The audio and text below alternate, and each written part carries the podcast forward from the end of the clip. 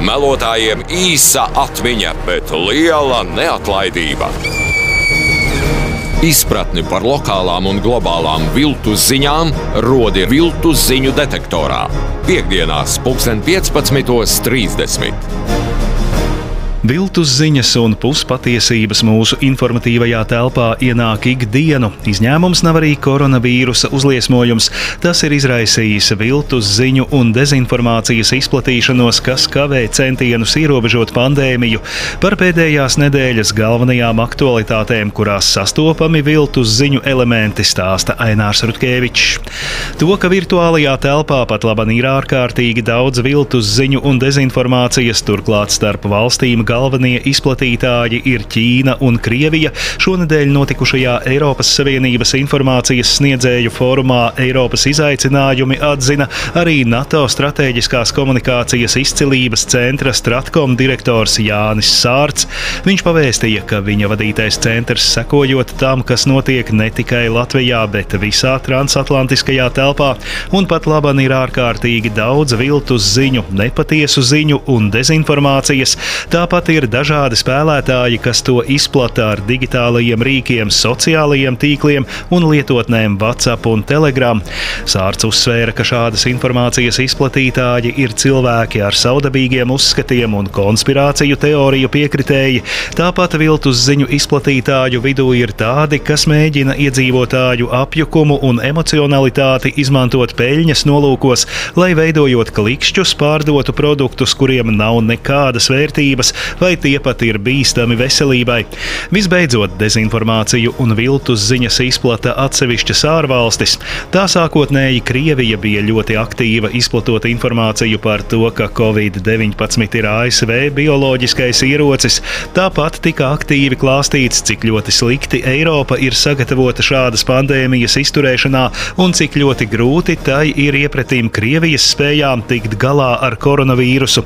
Šīs izplatītās informācijas elementi gan pēdējo triju nedēļu laikā ir pazuduši, un lielākā daļa iespējamo Krievijas robotu tīklu resursu ir vērsti atpakaļ uz šīs valsts iekšējo informācijas telpu. Tikmēr Ķīna turpina būt ļoti aktīva. Piemēram, šī valsts vienlaicīgi mēģina maksimāli samazināt uzsvaru uz tās atbildību par neveiksmīgu reakciju uz pandēmijas sākumu.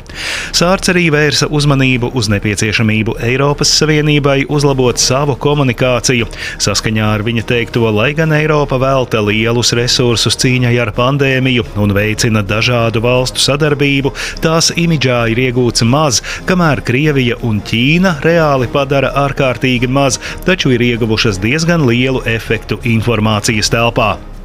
Tikmēr paralēli viltus ziņu izplatītājiem digitālajā vidē turpina uzdarboties arī krāpnieki.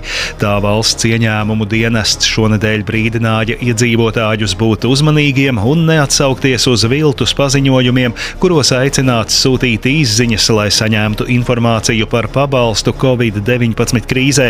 Vidrīcībā bija nonākusi informācija, ka sociālā tīkla draugiem LV lietotājiem it kā dienesta vārdā tika sūtītas vēstules ar aicinājumu sūtīt izziņu, lai saņemtu tālāku informāciju par iespējām saņemt finansiālu atbalstu. Vidu uzsver, ka visa informācija par tās sniegtajiem atbalsta pasākumiem Covid-19 laikā ir brīvi pieejama dienesta tīmekļa vietnē vid.gov.lv, un dienests šādu informāciju iedzīvotājiem neizsūta privātās ziņās, sociālajos tīklos vai citās neoficiālās platformās. Tādēļ esiet uzmanīgi uzmanīgi un neļaujiet viltus ziņām un krāpniekiem jūs apmānīt. Studijā bija Ainārs Rutkevičs. Akciju sabiedrība Radio SVH aicina regulāri trenēt vērību un kritisko domāšanu uzturēt formā, jo viltus ziņas vairojas ikdienu. Projekts Viltus ziņu detektors ir tapis sadarbībā ar Nacionālo elektronisko plašsaziņas līdzekļu padomi sabiedriskā pasūtījuma ietvaros. Melotājiem īsa atmiņa, bet liela neatlaidība.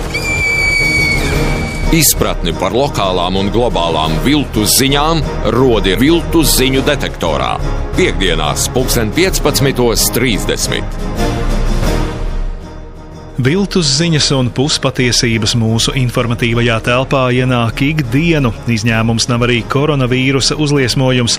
Tas ir izraisījis viltus ziņu un dezinformācijas izplatīšanos, kas kavē centienus ierobežot pandēmiju. Par pēdējo nedēļu galvenajām aktualitātēm, kurās sastopami viltus ziņu elementi, stāsta Ainārs Rutkevičs. Pandēmijas laikā īpaši ir aktivizējušās interneta vietnes, kas arī ikdienā publicē tendenciozu informāciju par Latviju. Pašreizējos apstākļos tās masveidā tiražē pseido ziņas un pat klajas nepatiesības par situāciju valstī. Tā piemēram Krievijā bāzētais portāls RU-Baltica.ru rakstā Latvijas atgriešanās pie Krievijas, koronavīrus visu noliek savās vietās, apgalvojuma formā pausts, kā pandēmija izvēršas pilnīgā katastrofā Latvijas ekonomikai un vienīgā iespēja, kā izdzīvot jaunajā realitātē, ir atgriezties pie stratēģiskās sadarbības ar Krieviju. Arī citos kaimiņu valsts varai uzticīgajos mēdījos Latvija attēlota kā nespējīga pretoties slimības radītajam postam, to pamatojot ar pārspīlētiem, no konteksta izrautiem un nepatiesiem apgalvojumiem. Portāls Reček jau iepriekš ir pievērsis uzmanību tam, ka RūBaltika RU, kas sevi dēvē par analītisku ziņu vietni, regulāri par Latviju publicē melīgas un izdomātas ziņas, un minētais raksts nav izņēmums. Latvijas nākotne Krievijā pamatota ar it kā jau tā vājo Latvijas ekonomisko un demogrāfisko situāciju. Viens no tajā publicētajiem it kā argumentiem ir Covid-19 dēļ Latvijā prognozētais iekšzemes koprodukta kritums par aptuveni 5%, kā arī bezdarba un budžeta deficīta pieaugums, taču rakstā noklusēts, ka līdzīgu scenāriju Krievija paredz arī pati sev. Milzīgu bezdarbu Baltijas valstīm paredz vēl viens Krievijas it kā analītiskais portāls - Stratēģiskās kultūras fonds. Vienā no tā rakstiem, kuru pārpublicējuši arī citi Krievijas portāli, melīgi apgalvots, ka sociālo spriedzi Latvijā palielina streiki, kavētu algas maksājumu dēļ. Kā vienīgais piemērs šim izdomājumam minēts kaimiņu valsts Lietuvas lielākais loģistikas uzņēmums Girteka Logistics, kura nodarbinātie autopārvadātāji tiešām vienu dienu streikoja darba samaksas samazinājuma dēļ.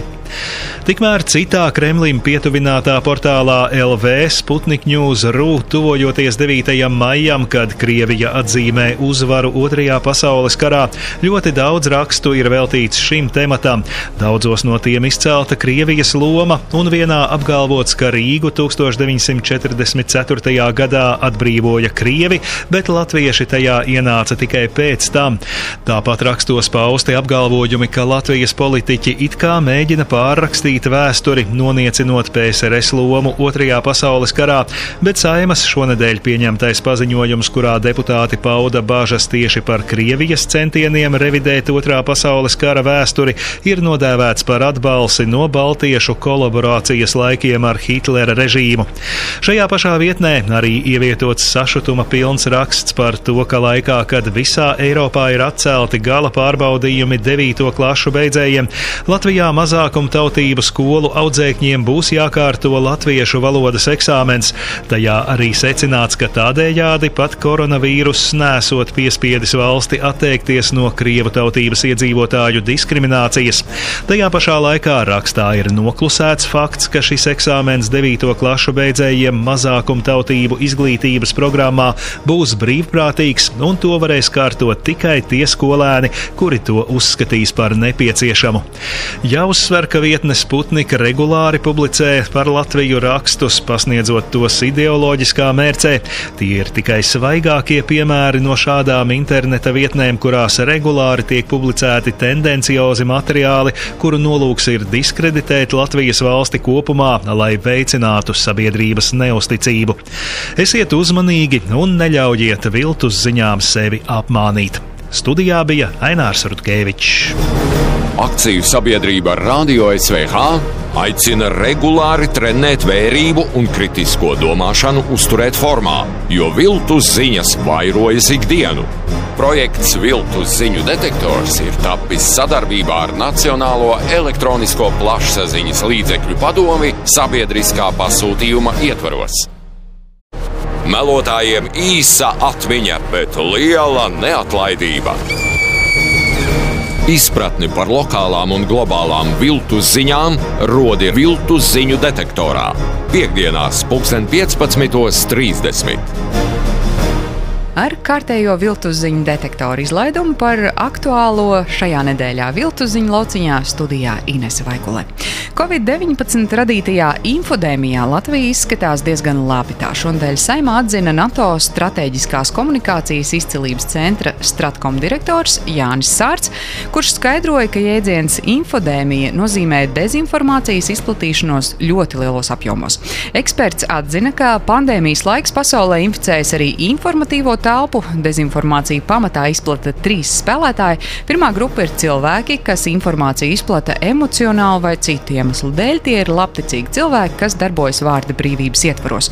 Otra grupa ir tie, kuri dezinformāciju izmanto savu interesu labā, piemēram, konspirācijas teoriju grupas, kuru mērķis ir palielināt savu sekotāju tīklu, bet trešā grupa ir valstis, kas dezinformāciju izmanto valsts interesu nolūkā. Visaktīvāk globālajā laikā šobrīd spēlē Krievija un Ķīna, Dezinformācija augstā līmenī diemžēl novērojama arī Amerikas Savienotajās valstīs, kas raisa bažas, jo ASV ir NATO sabiedrotā. Krievijas taktika laika gaitā ir mainījusies. Sākotnēji tā bija ļoti aktīva, izplatot divus galvenos vēstījumus. Vīruss radies nevis Ķīnā, bet tas kā bioloģisks ierocis radīts NATO vai ASV, kā arī kritizēja Eiropas vājo sniegumu Covid-19 apkarošanā, salīdzinot to ar it kā daudz veiksmīgāko Krievijas rīcību. Pirms mēneša novērot Krievijas taktikas maiņu, balstoties uz robotu tīkla monitoringu, secināts, ka pirms mēneša situācija ar slimības izplatību Krievijā paliekot aizvien nopietnākai, visi spēki koncentrēti uz iekšējo problēmu risināšanu un komunikāciju ar vietējiem un par pašu situāciju mājās. Savukārt Ķīna pamatā liek uzsvaru uz vīrusa izcelsmes apšaubīšanu, atbalstot dažādas konspirācijas teorijas un tāpat mēģinot izcelt Ķīnas nozīmīgo lomu Covid-19 apkarošanā. Sārta vērtējumā Latvijas sabiedrība kopumā ir salīdzinoši izturīga pret dezinformāciju, lai gan arī šeit izplatās konspirācijas teorijas. Valsts drošības dienests šonadēļ lūdza prokuratūru sākt kriminālu vajāšanu pret Niku Enziņu par viņa publiski pausto aicinājumu iznīcināt konkrētas tautības cilvēkus. Enziņš gada sākumā tiesības sargu uzmanību piesaistīja ar publiski izplatītu video, kurā aicināja likvidēt ķīniešus. Papildus šajā video ierakstā Enziņš apgalvoja, ka Latvijā konstatēts pirmais saslimšanas gadījums ar covid-19, kas tobrīd vēl neatbilda patiesībai.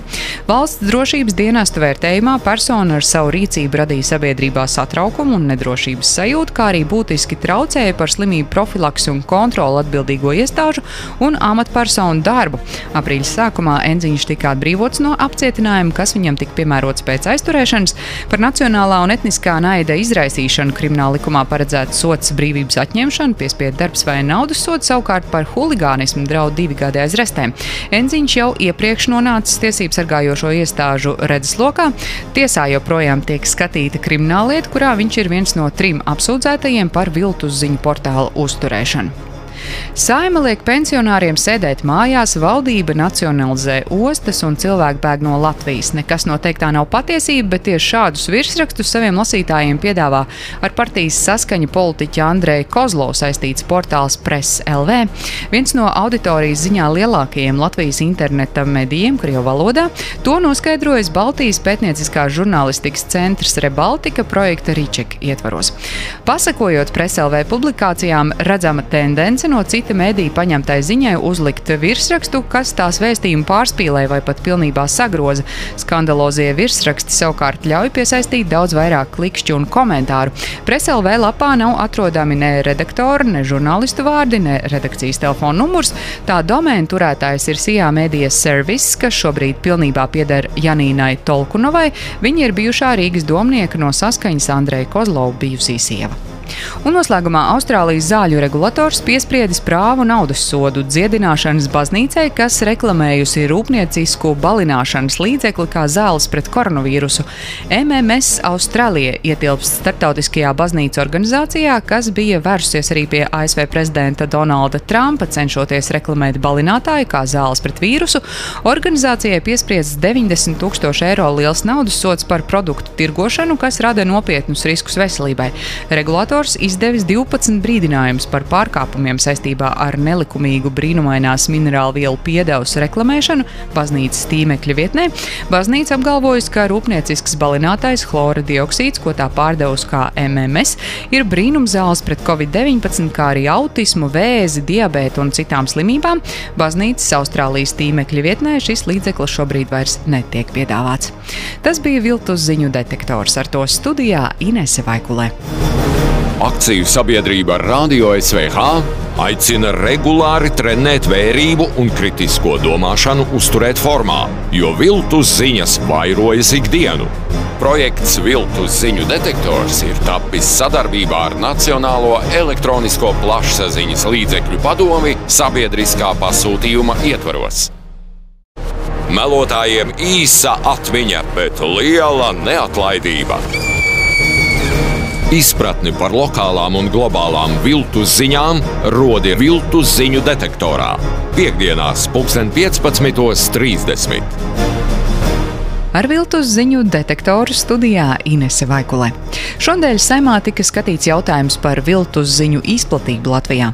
Izdevniecības dienas mediju pārstāvis Raivis Vilūns saimnes sēdē informēja, ka pēdējā laikā Latvijā ir samazinājies viltus ziņu portālu skaits, un tas varētu būt saistīts ar precedentu, kad tiesības sargājošās iestādes aizturēja viltus ziņu veidotājs.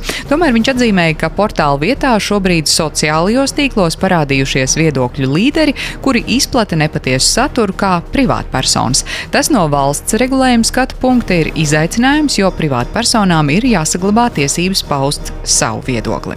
Viltu ziņu apkarošanā būtiska nozīme ir kritiskai domāšanai un izglītībai. Tā sēdes laikā bija viensprātis visi komisijas locekļi un uzaicinātie, kuri atzina, ka būtiska loma, protams, ir arī tiesību sargājošajām iestādēm, kuras vēršas pret dezinformatoriem. Un tiesību sargājošās iestādes to tiešām dara. Prokuratūra šodien cēla apsūdzību par naidu kurināšanu un huligānismu Nikam Enziņam, kurš janvāra beigās publiski sociālajā vietnē Facebook pauda aicinājumu iznīcināt konkrētas tautības cilvēkus. Krimināla likumā par šādu pretlikumīgu rīcību paredzēts sots līdz pieciem gadiem cietumā. Enziņš jau iepriekš nonācis tiesību sargājošo iestāžu redzeslokā, proti Rīgas pilsētas Latgales priekšpilsētas tiesā. Aiz slēgtām durvīm tiek skatīta krimināllieta, kurā viņš ir viens no trim apsūdzētajiem par viltus ziņu portālu uzturēšanu. Bet Rīgas pilsētas Latgales Rīgas priekšpilsētas tiesa šodien piesprieda četrus mēnešus garu cietumsodu kādam vīrietim, kurš sniedza apzināti nepatiesu ziņojumu par sprākstvielām tiesas sēkā. Tiesa arī piesprieda vainīgajiem atmaksāt nodarīto mantisko kaitējumu tiesību sargājošajām iestādēm, tiesai, policijai un glābējiem - kopumā 1389 eiro apmērā. Tiesu administrācijas pārstāvi Nāra Makārova informēja, ka pērn bijuši 15 trauksmes zvanu gadījumu tiesās, kad viltu zvanītāji brīdinājuši par nēsošiem spridzekļiem gadiem. Tādējādi tiesu administrācijai radot zaudējumus vairāk nekā 26 tūkstoši eiro apmērā. Šogad ir bijuši jau pieci šādi zvani, un zaudējuma apmērs pārsniedz 15 tūkstošus. Eiropas parlamenta deputāts un partijas saskaņa līderis Nils Ušakovs savā Facebook profilā nesen bija ierakstījis, ka pats Staļina režīms nesot iznīcinājis tik daudz Latvijas tautas, cik pašreizējās varas pārstāvi. Kā izteikuma autors norādīts bijušais Rīgas domas deputāts Imants Keišs, kas pēc izslēgšanas no jaunās konservatīvās partijas rindām kļuva par saskaņas atbalstītāju un tika iekļauts arī tās sarakstā gaidāmajās Rīgas domas vēlēšanās. Baltijas pētnieciskās žurnālistikas centrs Rebaltika projekta Ričika ietvaros, pārbaudījis minēto apgalvojumu, secinot, ka tas ir absurds un bezjēdzīgs. Vēsturnieks un vidzemes augstskolas rektors Gatis Krūmiņš uzsvērs, ka pirmkārt Otrajā pasaules karā Latvija pazaudēja aptuveni ceturto daļu iedzīvotāju, un lai arī daļa iedzīvotāji ir emigrējuši no Latvijas arī pēc tās neatkarības atgūšanas, tā bija brīva viņu izvēle, lai mainītu dzīvi, kas ir nesalīdzināmi ar padomi režīmu un represijām. Arī vēsturniece un totalitārisma pētniece Daina Blējere Ričika projektam uzsvērus, ka ekonomiskās sekas nekādā ziņā nav salīdzināmas ar totalitārā režīma represijām. Viņa šādā apgalvojumā saskatījusi arī vēlmi parādīt, ka neatkarīgajā Latvijā dzīve kļūst arvien sliktāka, lai gan patiesībā ekonomiskie rādītāji visu laiku uzlabojas un šo laiku nav iespējams salīdzināt ar nabadzību, kādā cilvēki dzīvoja pēc kara. Un noslēgumā sociālā tīkla Facebook dibinātājs Marks Zakerbergs vakar paziņoja, ka ir samērā pārliecināts par savu uzņēmumu spējām novērst centienus ietekmēt šogad paredzēto ASV prezidenta vēlēšanu politisko iznākumu. Intervijā Britu raidsabiedrībai BBC Zakerbergs sacīja, ka sociālais tīkls ir labāk sagatavots stāties pretī tīmekļa dezinformācijas kampaņām, vienlaikus atzīstot, ka Facebook veikums 2016. gada kampaņas laikā nav bijis pienācīgā līmenī. Viņš arī novērtēja, ka centieni nepieļaut iejaukšanos vēlēšanās esot mazliet kā bruņošanās sacensības ar tādām valstīm kā Krievija, Irāna un Ķīna. Bet vaicāts par pieeju dezinformācijai pašreizējās koronavīrusa krīzes laikā, Zakerbergs sacīja, ka viņa uzņēmums dzēš saturu, kas tīkla lietotājiem var nodarīt tūlītēju kaitējumu. Kā piemēru Zakerbergs minēja to, ka Facebook izdzēsis Brazīlijas prezidenta Žaira Bolsonaru ierakstu, kurā viņš apgalvojas, ka zinātnieki ir pierādījuši, ka pastāvot zāles pret koronavīrusu. Tie ir meli, tāpēc ieraksts arī ticis nekavējoties izdzēsts. Tas bija viltus ziņu detektors ar to studijā Inese Vaikulē. Akciju sabiedrība Radio SVH aicina regulāri trenēt vērību un kritisko domāšanu uzturēt formā, jo viltus ziņas vairojas ikdienu. Projekts Viltus ziņu detektors ir tapis sadarbībā ar Nacionālo elektronisko plašsaziņas līdzekļu padomi sabiedriskā pasūtījuma ietvaros. Melotājiem īsa atmiņa, bet liela neatlaidība. Izpratni par lokālām un globālām viltus ziņām rodi viltus ziņu detektorā. Piektdienās, 15.30. Viltus ziņas un puspatiesības mūsu informatīvajā telpā ienāk ikdienu. Izņēmums nav arī koronavīrusa uzliesmojums. Tas ir izraisījis viltus ziņu un dezinformācijas izplatīšanos, kas kavē centienus ierobežot pandēmiju. Par pēdējo nedēļu galvenajām aktualitātēm šajā jomā stāsta Ainārs Rutkevičs. Kanādas sabiedriskās raidorganizācijas CBC portāls pagājušajā svētdienā paziņoja, ka pret Kanādas vadīto NATO paplašinātās klātbūtnes kaujas grupu Latvijā esot vērsta ar koronavīrusa pandēmiju saistīta dezinformācijas kampaņa, un atlases komandieri uzskata, ka tā īstenota no Krievijas. Kā vēstīja Kanādas medijas, vairāki Baltijas un citu Austrumēropas valstu plašsaziņas līdzekļi ziņojuši, ka NATO kontingenta karavīru vidū ādažu bāzē ir liels inficēšanās ar jauno koronavīrusu gadījumu skaits. Gan kaujas grupas komandieris Ēriks Lafore Prests, gan Latvijas aizsardzības ministrijas pārstāvji šādas viltus ziņas noliedza un atspēkoja dažu stundu laikā pēc to parādīšanās. CBC norādīja, ka šī nebija pirmā reize, kad Krievijas atbalstīti mediji Latvijā tiek apsūdzēti mēģinājumos iedzīt ķīli starp rietumu valstu militāro kontingentu un Latvijas sabiedrību. Neilgi pēc sabiedroto karaspēka dislocēšanas pirms trim gadiem internetā arī parādījās Kanādas karavīrus nomelnojoša informācija. NATO, tostarp Kanādas spēku komandieri, arī agrāk ir vērsušies pret dezinformācijas kampaņām, būdami aktīvi Latvijas sabiedrībā un demonstrējot savus labos darbus. To uz laiku ir apturējusi pandēmija, taču kaujas grupa joprojām ir aktīva sociālajos tīklos. Kaujas grupas komandieris arī Kanādas sabiedriskajai raidorganizācijai paudis pārliecību, ka centieni neutralizēt viltus ziņas līdz šim ir bijuši pilnībā veiksmīgi, jo turpmāku mēģinājumu sēt nesaskaņas pēc pēdējā gadījuma nav bijis. Tikmēr Eiropas Savienības ārlietu dienesta pārstāvis Peters Stano norādījis, ka internetā izplatās ziņas, kurās ieteikts dzert balinātāju, lai mazinātu iespējas inficēties ar koronavīrusu. Turklāt pandēmijas izraisīšanā vainota 5G tehnoloģija un cilvēki mudināti uzbrukt mobīlo sakaru torņiem. Bet tepat Latvijā Iekšlietu ministrs Sandis Girģens šonadēļ nāca klajā ar grozījumiem divos likumos, kuru nolūks ir veicināt viltus ziņu apkarošanu valstī. Viņš uzsvēris, ka Latvijas informatīvās telpas viens no pamata apdraudējumiem ir dezinformācijas izplatīšana, kas ir arī valsts nacionālās drošības jautājums. Tā vairumā valstu nesot precīzi definēta, tomēr Eiropas komisija savā kopīgajā paziņojumā norādījusi, ka ar dezinformāciju saprot pārbaudīt caurskatāmi nepatiesu vai maldinošu informāciju, kas tiek sagatavota, publiskota un izplatīta, lai gūtu ekonomisku labumu vai maldinātu sabiedrību un var radīt kaitējumu tai. Kaitējumu sabiedrībai cita starpā var radīt draudi demokrātiskajiem procesiem, kā arī sabiedriskajam labumam. Lai vērstos pret to, ģirģents ierosinājis elektronisko plašsaziņas līdzekļu likumā paplašināt nosacījumus, kādos Nacionālajai elektronisko plašsaziņas līdzekļu padomei ir tiesības anulēt apraides vai retranslācijas atļauju ar gadījumiem, kad tās saņēmējs izplata nepatiesu, maldinošu vai sagrozītu informāciju. Savukārt likumā par presi ministrs piedāvājis attiecīgi paplašināt nosacījumu uzskaitījumu, kādos pēc ģenerāla prokurora ierosinājuma tiesa var pieņemt lēmumu par masu informācijas līdzekļa darbības izbeigšanu. Par šiem priekšlikumiem gan vēl būs jālemj parlamenta deputātiem. Esiet uzmanīgi un neļaujiet viltus ziņām sevi apmānīt. Studijā bija Ainārs Rutkevičs. Akciju sabiedrība Radio SVH aicina regulāri trenēt vērību un kritisko domāšanu uzturēt formā, jo viltus ziņas vairojas ikdienu.